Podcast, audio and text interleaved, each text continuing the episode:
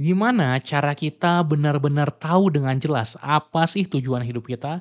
Simak empat pilar penting ini. Halo, selamat datang di podcast Cerita Pembelajar. Kamu akan mendengarkan cerita mengenai pengalaman, gagasan, dan pembelajaran.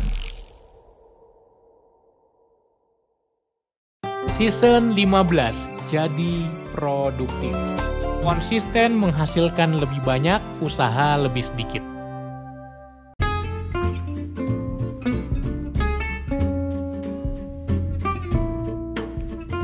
Halo Sobat Pembelajar, balik lagi di podcast Cerita Pembelajar season 15 bareng gue Umar Dan kali ini gue sangat excited karena gue bakal share 4 pilar penting untuk kita menemukan passion kalau lo pegang buku jadi produktif, ini ada di halaman 77.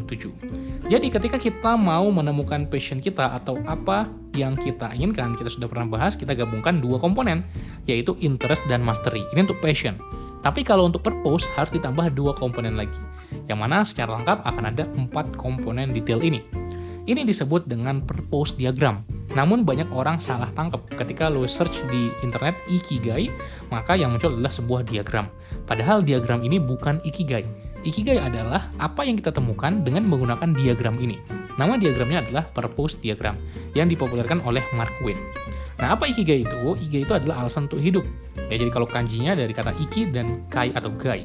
Jadi alasan untuk hidup. Iki hidup, gai itu alasan. Nah, proses pencarian ikigai ini sendiri adalah proses yang sangat penting karena kita semakin menemukan jati diri kita. Dan bahkan terbukti di Jepang, lebih tepatnya di prefektur Okinawa, menempati posisi teratas Blue Zone atau wilayah dengan angka harapan hidup yang panjang, soalnya orang-orang di sana sangat bahagia. Jadi untuk kita menemukan purpose kita dalam hidup, kita coba temukan yang namanya ikigai kita. Nah, kita bisa tanyakan dengan empat hal penting. Yang pertama, apa yang lo suka? Yang kedua, apa yang lo jago atau yang lo kuasai. Yang ketiga, apa keahlian yang lo punya. Dan yang keempat, apa yang lo bisa dibayar.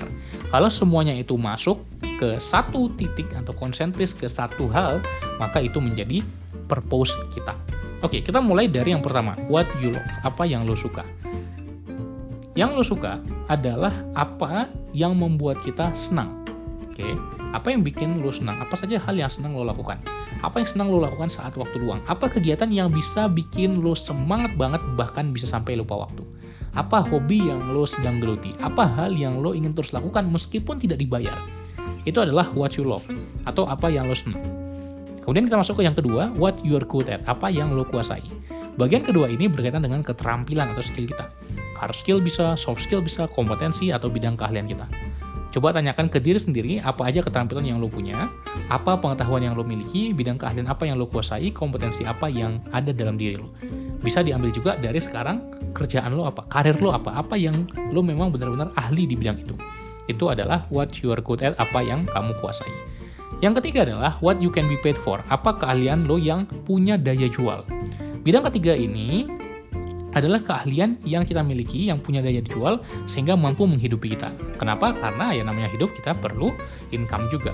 Tentu saja tidak harus berupa uang, tetapi kita bisa punya timbal balik, timbal balik nilai manfaat ketika kita menukarkannya, sehingga kita tahu apa yang kita lakukan itu punya value, punya nilai.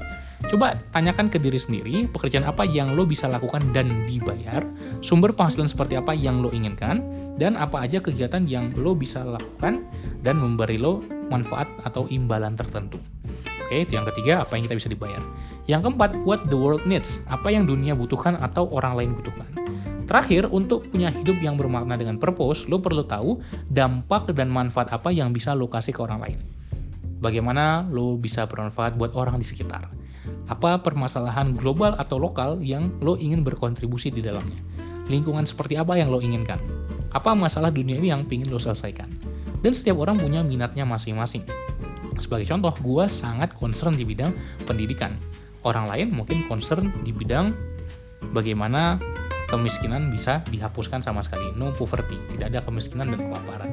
Ada yang tertarik di bidang climate change ada juga yang tertarik di bidang pembangunan. Ada juga yang tertarik di bidang bagaimana melestarikan keanekaragaman hayati dan banyak lagi. Silakan cari apa yang dibutuhkan dunia dan kita fokus ke sana. gue bakal kasih contohnya apa yang menjadi ikigai gue karena kalau gue sebutkan masing-masing sebenarnya ada banyak banget ya yang gue juga udah tuliskan dan berikan visualisasinya di buku silahkan lo bisa buka di halaman 81 dan 83 tapi dari itu semua yang masuk ke keempat-empatnya adalah sharing adalah ngajar adalah mendidik gue suka mengajar dan enjoy banget setiap melakukannya gue mau melakukannya meskipun tidak dibayar Kemudian gue jago juga ngajar, gue bisa bikin orang paham ketika ada suatu materi atau konsep yang kompleks, sulit dipahami, gue bisa membuatnya jadi mudah dipahami. Gue bisa dibayar dengan itu dan karir gue sekarang ya ngajar, training, coaching.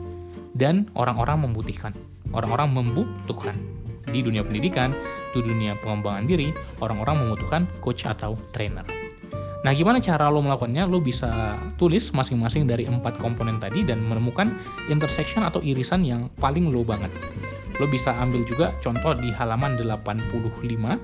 Ya, di situ ada worksheet yang bisa lo isi di buku jadi produktif. Kalau lo belum punya bukunya, silahkan bisa ambil di Gramedia terdekat atau beli di online juga bisa. Itu adalah empat pertanyaan yang perlu lo tanyakan ke diri lo sendiri dan empat pilar penting ini apa yang lo suka, apa yang lo jago, apa yang lo bisa dibayar, dan apa yang dunia butuhkan akan membuat kita hidup dengan sangat-sangat bahagia serta gembira. So, semoga bermanfaat dan silahkan praktek, silahkan terapkan, dan temukan passion lo, temukan purpose lo hari ini untuk lo bisa happy menjalani hidup ke depannya. Itu aja, sampai jumpa di episode-episode lainnya. Terima kasih, salam pembelajar.